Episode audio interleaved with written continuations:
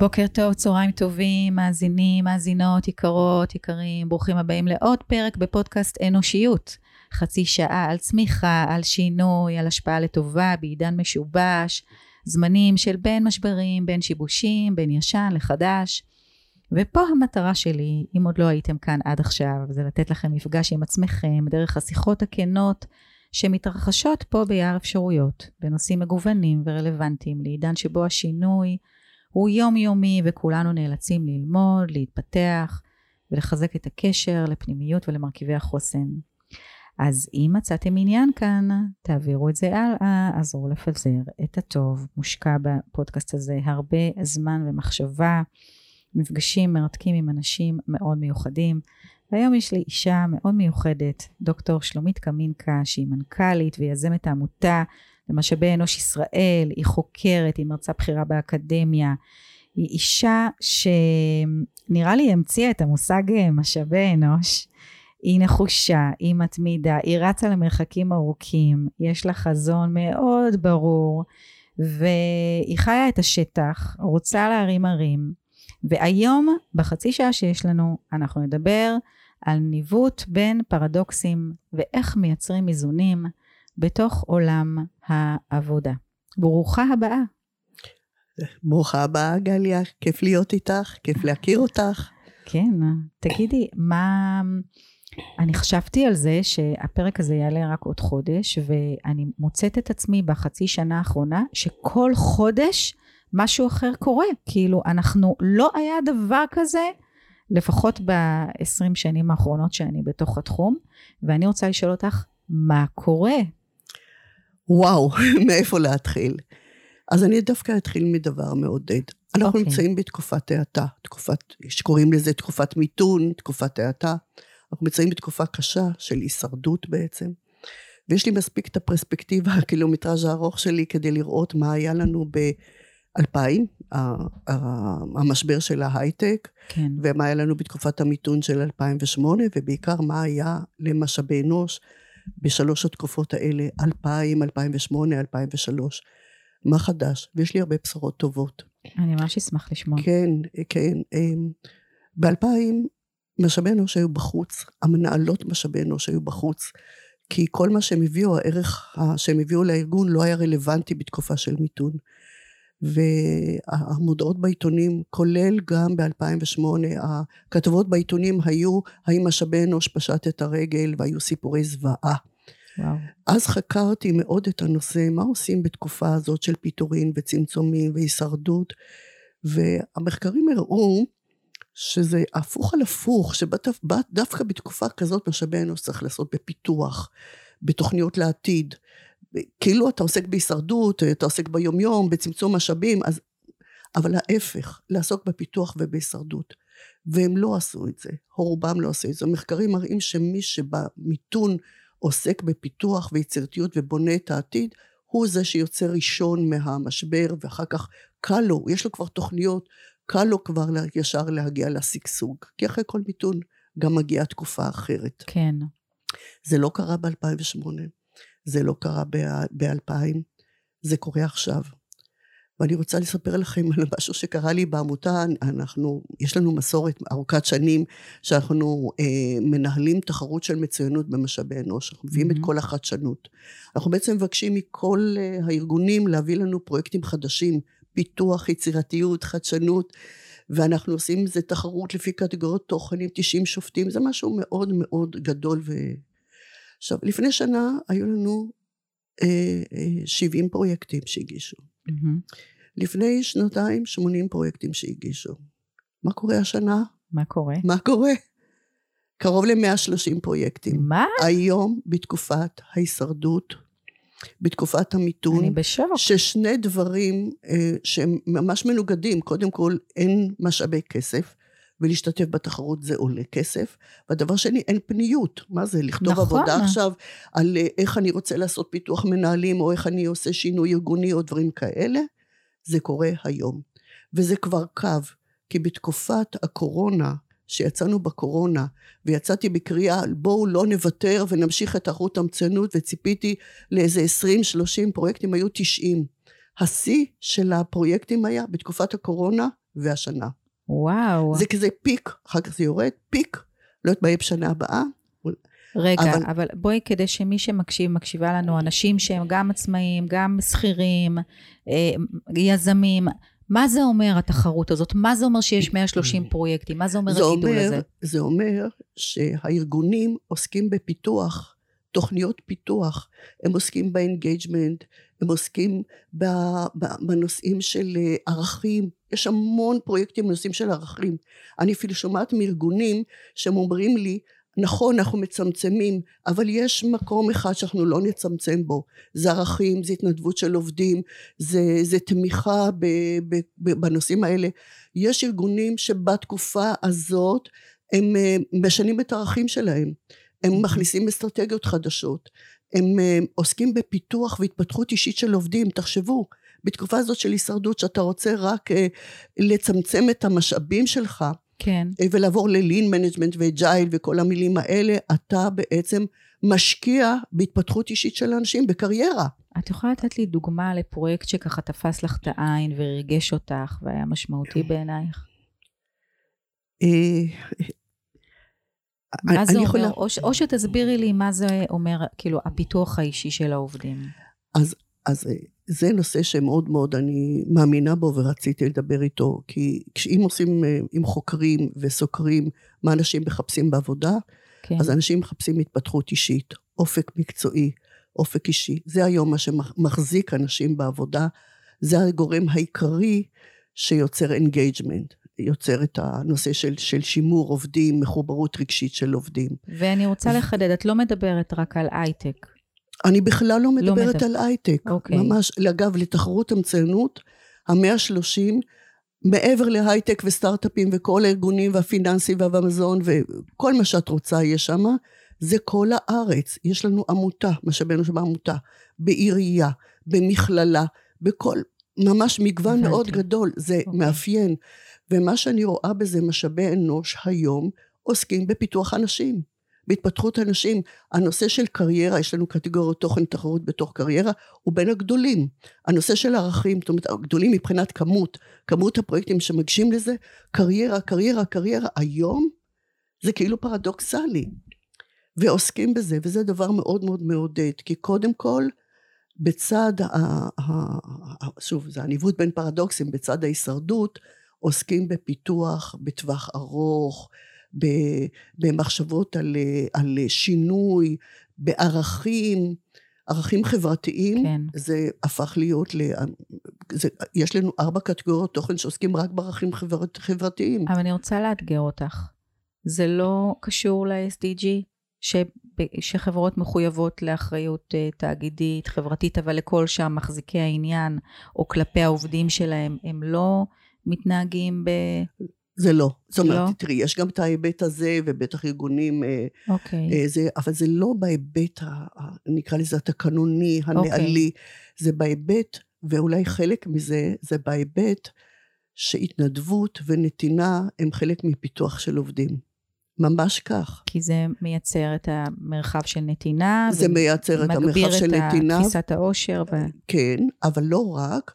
כשאתה מחובר לאיזשהו איזושהי התנדבות לעמותה, או שאתה עוסק באיזשהם ערכים, אתה מתפתח אישית, כי אתה עובד על יכולות חדשות, על כישורים כדי mm-hmm. לצורך הנתינה. Okay. אוקיי. זה צורה של התפתחות אישית. להתפתחות אישית יש הרבה כיוונים. ו, ואנחנו מדברים היום על התפתחות אישית בתוך תפקיד. כן. כי אנחנו לא מדברים על המושגים שתמיד היו רק ניוד והסבות מקצועיות וכולי וכולי. אוקיי. כל אחד, כולל עובד ניקיון, כן. כולל אה, כוח עזר בבית חולים, אפשר לפתח אותו אישית בתוך התפקיד. ויש המון דרכים לפתח. חלק מזה זה גם התנדבות ונתינה. אוקיי. אתה מקבל הוקרה, אתה מקבל הכרה. את יודעת, נתינה היא מתגמלת. ברור. אז, אה, אז, אז זה חוזר בחזרה, אבל גם מעבר לזה, יש כאלה שמשתמשים בזה ממש כשיטה לפיתוח מנהלים. זאת אומרת, אם מנהל כן. בוחר לו עמותה אה, אה, כדי, למשל, סמנכ"ל שיווק רוצה לעזור לעמותה בבניית תוכנית שיווק, כן. הוא מפתח את עצמו. הבנתי. הוא מקבל ערך. אוקיי. אז כל הנושא של נתינה והתנדבות הם, הם ממש... הם ממש חלק מהתפתחות אישית. ואיך, אפרופו פר, פרדוקסים, מצד אחד את אומרת הפיתוח האישי והפיתוח וה, וה, המקצועי, ומצד שני אנחנו יודעים ויודעות שהמחקרים מראים שעובדים לא נשארים היום יותר משנתיים שלוש במקום עבודה. אז קודם כל, אני לא כל כך אוהבת את המשפט הזה. אוקיי. Okay. כי אני מאמינה שאם ארגון מבין מה העובדים רוצים בעבודה, ומתחזק את זה לאורך זמן, כי זה קצת גם משתנה, וצריך כל פעם לתת לזה צבע מחדש, תיאת גירויים, זה לא זבנק וגמרנו, עובדים יישארו. לאורך זמן. לאורך זמן. אני אפילו, אמנם לא עכשיו, ב-2012 עשיתי מחקר עם עוד שני שותפים, רב, עשינו את זה רב גילאי, כי בדקנו את הבן דורי. אה, מהמם, כן, אוקיי. ובדקנו 800 איש בעבודה, כן. מגיל 14 עד 70. וואו. ארבע דורות, ושאלנו אותם מה הם רוצים בעבודה, ושאלנו עוד הרבה דברים אחרים, כן. ובגדול לא היה הבדל בין הדורות. מה את אומרת? לא היה הבדל בין הדורות. אנשים מחפשים שייכות כי זה בטבע, נכון. זה בטבע האנושי. נכון. אנשים מחפשים הכרה והכרה, אנשים מחפשים התפתחות אישית, אנשים מחפשים אופק, ואת יודעת מה, אני, אני בשעתו, הייתי באיזשהו כנס, שאז דיברו, בשעתו אז היה דור Y היה על הכותרות, והיו המון כנסים, וישבתי אני, דור ה baby boomers, ישבתי ככה בקהל וראיתי את, אה, את דור Y, אומר אני רוצה את זה, ואני רוצה משוב, ואני רוצה שתדברו אליי בגובה העיניים, ואני רוצה יחס אישי, ואני רוצה להתפתח, ו... כן. ואני יושבת בקהל ואני אומרת, רגע, רגע, התבלבלנו, גם אני רוצה את אותם דברים. מה, אני לא רוצה איזון חיים? אני אם לארבעה ושתים עשרה כן. נכדים. אני רוצה יקשיבו לי, אני רוצה משוב, אני רוצה אותם דברים, זה תכונות אוניברסליות אנושיות. כן. השאלה אם הארגונים מספיק מתמודדים עם זה, ולכן שאלת השאלות היום היא engagement. והיום היא קיבלה צבע מאוד מאוד מיוחד בתקופת ההאטה. נהדר, תספרי לי מה הצבע החדש של engagement. Engagement תמיד העסיק. כי engagement זה מחוברות רגשית, זה כמו אירוסין, זה לא מספיק את התן וקח בין שני הצדדים, כן. צריך להתחבר עם רגש. ואם תשימו לב, בשנים האחרונות קרה לנו משהו מדהים בעיניי. חזרנו ככה back to human, אנחנו חזרנו לאדם. ואנחנו מדברים רגש במקום רווחה, אנחנו מדברים על חוויה, אנחנו מדברים, חוויה זה רגש, מדברים על קהילה, ומדברים על תשוקה לעבודה, ומדברים על הגת בעובד, משמעות. מדברים, כן, על משמעות בעבודה, שהיא מאוד תופסת, שהמשמעות היא בעצם החיבור הכי חזק שיש, ואנחנו מדברים על, ה, על, ה, על כל החיבור הרגשי, וה, והמובן הוא לא רק איך למנוע תחלופה ואיך לא יעזבו אותי, אחרי okay. אוקיי. שנתיים, כמו שאת אומרת, כן. אלא איך גם למנוע נטישה אמוציונלית, איך לאנשים, לחבר את האנשים רגשית עם המוטיבציה, עם המנוע הפנימי. זאת אומרת, זה צריך כל הזמן לצבוע את העיניים מחדש. וזו שאלה שמעסיקה אותנו, הזמן מעסיק אותנו, שאלת השאלות, אם האנשים מחפשים בעבודה. עכשיו, מחקרים על גבי מחקרים בשנים האחרונות, סקרים שארגונים עושים ומוודאים מה העובדים שלהם מחפשים בעבודה, הגורם מספר אחד זה התפתחות אישית. ואני יכולה גם להסביר למה. יש חמישה קריטריונים שבעצם גורמים לכך ש, שתהיה, שיהיה engagement מאוד מאוד גבוה וזה באיזה מידה זה פרסונלי, mm-hmm. זה נוגע לי, התפתחות אישית היא שלי, כן. באיזה מידה זה רגשי, זאת אומרת זה מעורר בי רגשות, כי אנחנו יודעים שאנחנו יודעים על אדם עם רגש זה, זה משנה התנהגות, לא הקוגניציה. כן. אז זה רגשי, זה אני, זה יוצר השפעה לאדם בארגון, כיוון שהוא, אה, כשמפתחים אותו, הוא משפיע יותר, יש לו כן. יותר אחריות, יש לו יותר אה, אה, טווח, מחויבות. מחויבות, אחריות, הוא מרגיש, הוא מקבל הכרה והוקרה, זה לטווחים יותר ארוכים, יש גירויים חדשים ש, שכל הדורות, אבל גם הדור הצעיר מחפש אותם, זה כל הזמן, זה מחדש לך, זה כל הזמן מחזיק אותך. ואנשים צעירים אומרים, גם אמרו לי במחקר של אז, ואומרים לי גם היום, אם ייתנו לי, אם יהיו לי הזדמנויות, אם אפילו יהיה לי לקראת, אני נשאר. וזו הנקודה. והיום יותר ויותר, וזה הדבר המעודד, כי אני רואה את זה דרך העבודות שאני גם מקבלת, כן. ודרך המגעים שלי, אני מסתובבת בכל הארץ, בכל הארגונים, אני רואה שזה חודר וחודר, ואנשים עוסקים בהתפתחות בתוך התפקיד. ויש מחקרים שאומרים, ממש הרבה מחקרים שאומרים שהיעדר הזדמנויות קריירה הוא הגורם מספר אחד לעזיבה, גם פיזית וגם אמוציונלית. רגע, אז שנייה, מה זה היעדר הזדמנות בקריירה? מה, בתוך הארגון לצמוח ולעלות ולהרחיב? זה ההתפתחות האישית. זה לאו okay. אוקיי. דווקא לעבור לתפקיד אחר. אוקיי. Okay. שתכף אני אדבר על זה, כי זה גם כן משהו מאוד מיוחד שקרה היום. וזה במיוחד, אני מרגיש ש, שמשקיעים בי, ואני מתפתח בתוך התפקיד. יש לי, קוראים לזה ג'וב קרפטינג. מעצבים לי את התפקיד, מוסיפים לי משימות, רואים את החוזקות שלי, נותנים לי עוד דברים, שולחים אותי לקורסים, מחברים אותי לפורומים, משייכים אותי לקהילה, אגב, okay. אוקיי. שייכות לקהילה. כן. המון המון דרכים נותנים לי התנדבויות, אומרים לי לבחור איזה משימות. עובדים איתי על ההתפתחות האישית שלי, ואני מרגיש שכל שבוע, כל חודש, אני משהו אחר. כן. זה מה שאנשים מחפשים. אוקיי, אז זה הגוון החדש שאת מדברת עליו. זה הגוון החדש שאני מדברת עליו, אבל במחוברות. נוסף, כן, אבל נוסף עוד דבר אוקיי. מאוד מיוחד של הג'וב קרפטינג הזה, עיצוב התפקיד.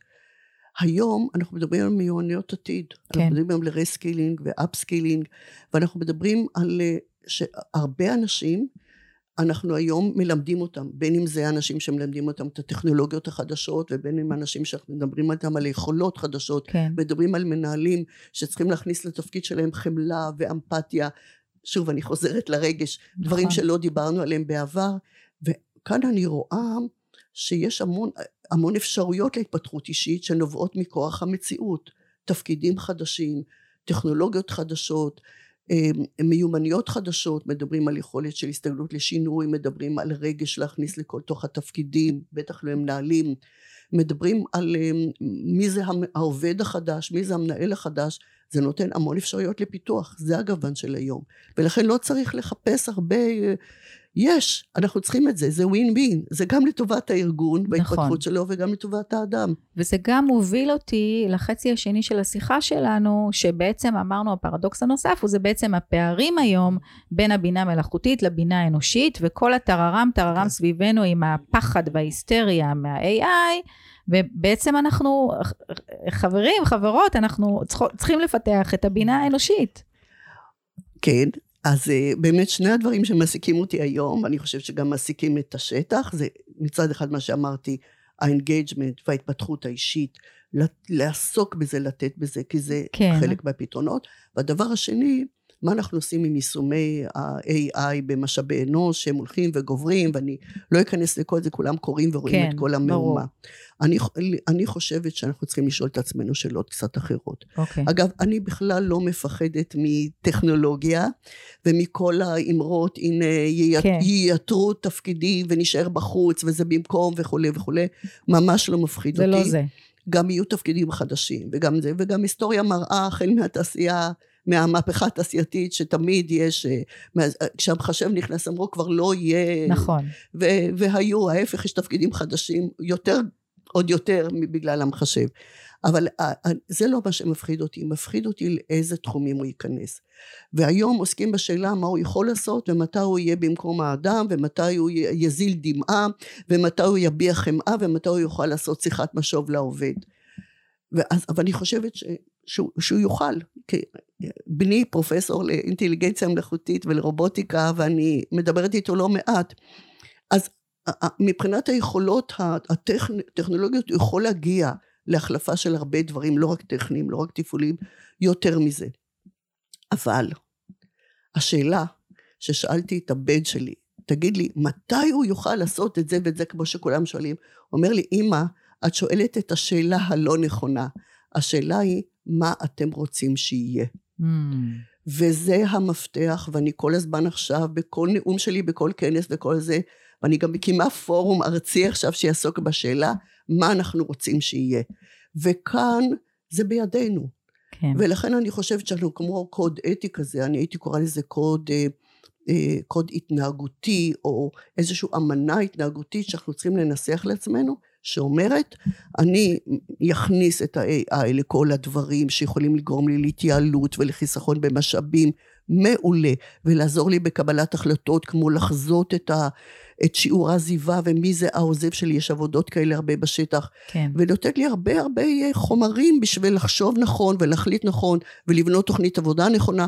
הכל מעולה. אנחנו צריכים להגדיר באיזה תחומים הוא לא ייגע, גם אם הוא יכול. כן. כי אנחנו לא רוצים. לעולם, לעולם הוא לא יעשה שיחת משוב במקום המגע פנים אל פנים. לעולם הוא לא יעשה שיחת שימוע. לעולם בקבלת עובדים שהוא יכול לסרוק לי את קורות החיים והוא יכול לעשות את כל התהליכים והוא יכול אפילו לעשות מבחני קוגניציה כאלה ואחרים לעולם אני לא אקבל בן אדם בלי שיהיה לפחות מגע פנים אל פנים, כן. שאני אראה אותו והוא יראה אותי. גם היום יש לי הרבה הרבה עבודות שמגישים לי בכל הארגונים על onboarding, קליטת עובד חדש. וכולם עוברים לטכנולוגיות, כולל אה, משקפי כן. CR וכל, המון המון דברים, דברים נורא נורא מתוחכמים, אפילו חווייתיים, כן. מאוד חווייתיים. ואני שואלת אותם תמיד, ואיפה האדם, מתי הוא מכיר את המנהל שלו, מתי הוא מכיר את הצוות שלו, את הבאדי שלו וכל זה, אומרים בוודאי, אנחנו אנחנו, אה, אנחנו דואגים לזה. ואז אני אומרת, תשאלו את עצמכם תמיד את השאלה, ואני אחזור על זה אלף פעם, מה אנחנו רוצים שיהיה? ואת הגבולות האלה אני רוצה להגדיר, ואני חושבת שיש מקום להגדיר, כי לפעמים כשנכנסת אופנה זה כמו טרנד כזה, נכון. וכולם זה וזה העדר. וזה, בוא נכניס את זה, ואנחנו לא תמיד מבינים גם את האלגוריתמים שעומד. נכון. שאלתי את הבן שלי, תגיד לי, איך אני מבינה את האלגוריתם שעומד מאחורי ה-AI, כי כן. הנוסחה הזאת היא בעצם קובעת לי את החיים, אז הוא אמר, גם הם לא מבינים. אז זאת אומרת, מה שאני מנסה לומר, שאנחנו צריכים להגדיר מפורש, כדי שהטרנדים לא יהפכו כמו אופנה, לא, לא, לא ישתלטו עלינו. אנחנו נשתלט על ה-AI. וברגע שזה יהיה, אני לא דואגת. יהיה AI ויהיה אנחנו. זאת אומרת, וזה האיזון. מה כן. שאת אומרת זה, אנחנו לא המשרת, אנחנו האדון. כן. אנחנו... הוא המשרת, הוא המשרת. בדיוק. הוא בא לשרת אותנו. כן.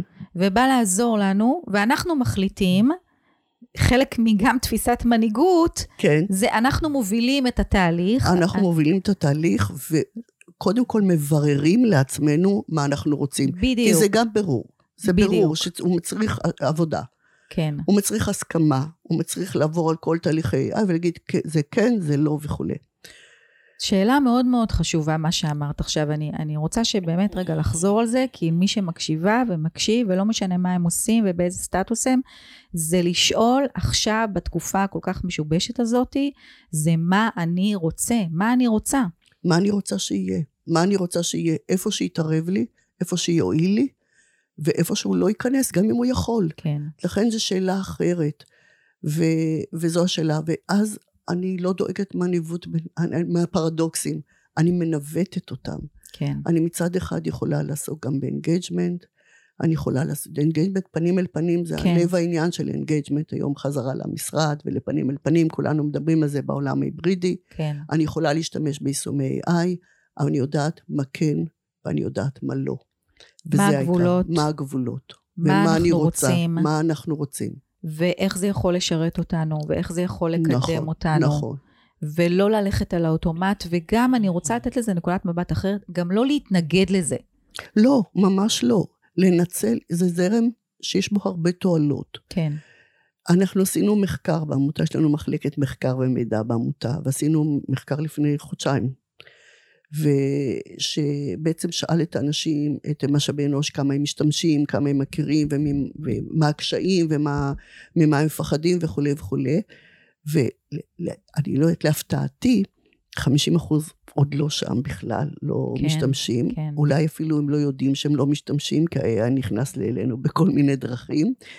והם לא הביעו, זאת אומרת, הם היו בהיסוס כזה, הם, הם הביעו קשיים אה, קשיים של אמ, חששות מהאי ודאות, חששות מהטיות, חששות מ... זאת אומרת, זה, זה עסק עוד לא ברור. אז נכון. ככה נראה לי שעוד הם... יש באמת היסוס, אבל אני חושבת שצריך כן להשתמש, צריך כן להכיר. ללמוד. צריך ללמוד, ללמוד את הנושא, אבל לשאול תמיד את השאלה, מה הגבולות, מה אני רוצה שיהיה. ואני הייתי אומרת, כמו שפעם בנינו קוד אתי למשאבי אנוש, העמותה עסקה בזה פעם, כן. אני חושבת שאנחנו צריכים לעשות את זה ברמה ארצית, איזשהו אה, קוד התנהגותי שמציע, שממליץ כן. על מה כן ולא, כי זה איזושהי אמנה מקצועית שלנו. ואני, ואנחנו אנחנו שם, אנחנו בדיוק שם. מצד אחד אני שמחה שזה עוד לא פרץ את כל הגבולות במשאבי אנוש, שאפשר רגע לעצור ולשאול את השאלות הנכונות, ולא, ולא להטמיע את זה וליישם את זה בלי, בלי לתת את הדעת גם לסכנות ול... כן. אני הייתי רוצה שתתני לי איזושהי נקודת מבט ממה שאת רואה בשטח, ובאמת באתי עם תחזיות אופטימיות, על המערכת יחסים המורכבת שיש היום במשולש אה, מנהלת משאבי אנוש, עובדים והנהלה. תראי, אני מאוד מעודדת. אוקיי. באמת אני מעודדת. אה, חלק, אה, אני כן, ואני שוב, אני, אני ממקימי העמותה ובוני הפרופסיה בארץ, אני אישית, אישית הייתי, אה, נכנסתי לארגון לתוך מחלקת מנגנון, כן. שזהו, וכוח אדם אחר כך, וכל זה עברתי את כל הדרך.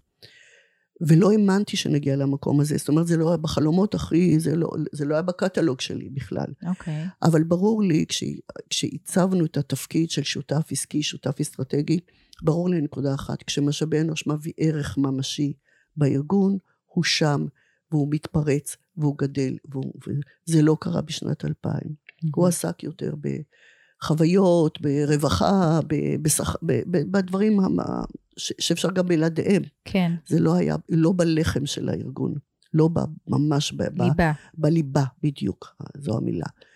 אה, גם ב-2008 זה היה גמגומים. עכשיו, המשבר הבא שהיה, זה היה קורונה. בקורונה ראיתי את פריצת הדרך.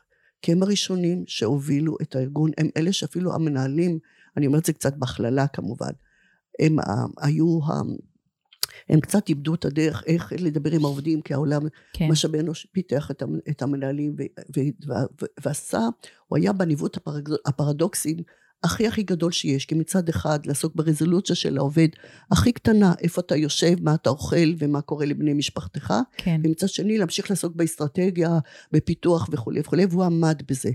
וזה מאוד מאוד מעודד.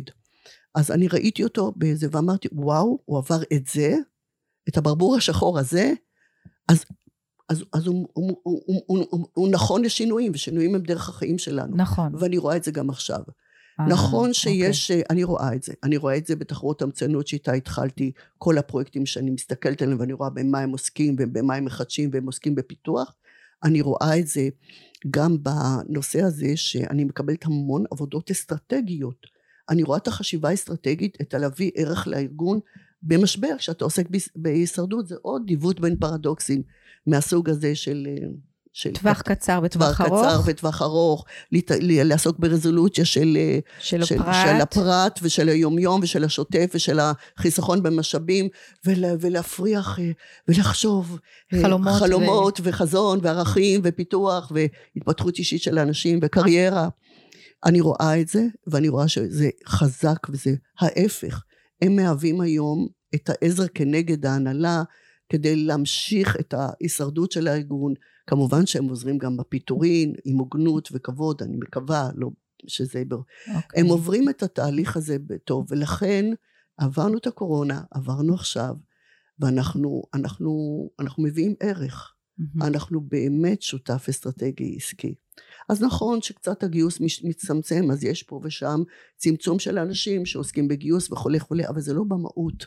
כן. לא, אה, משאבי אנוש הוא נחוץ הוא מרכזי, הוא הכרחי, ואנחנו שם. והוא משתנה.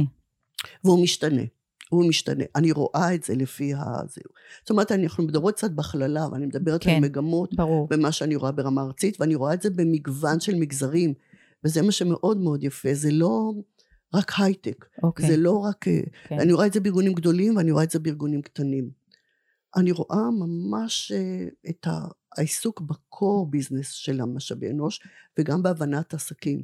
אני לפעמים מדברת עם אה, משאבי אנוש, אה, עם סמנכלים, סמנכליות היום, כן. משאבי אנוש, ואני, ואני ממש מתפלאת, אני חושבת אני מדברת איתם או עם סמנכלי השיווק. Mm.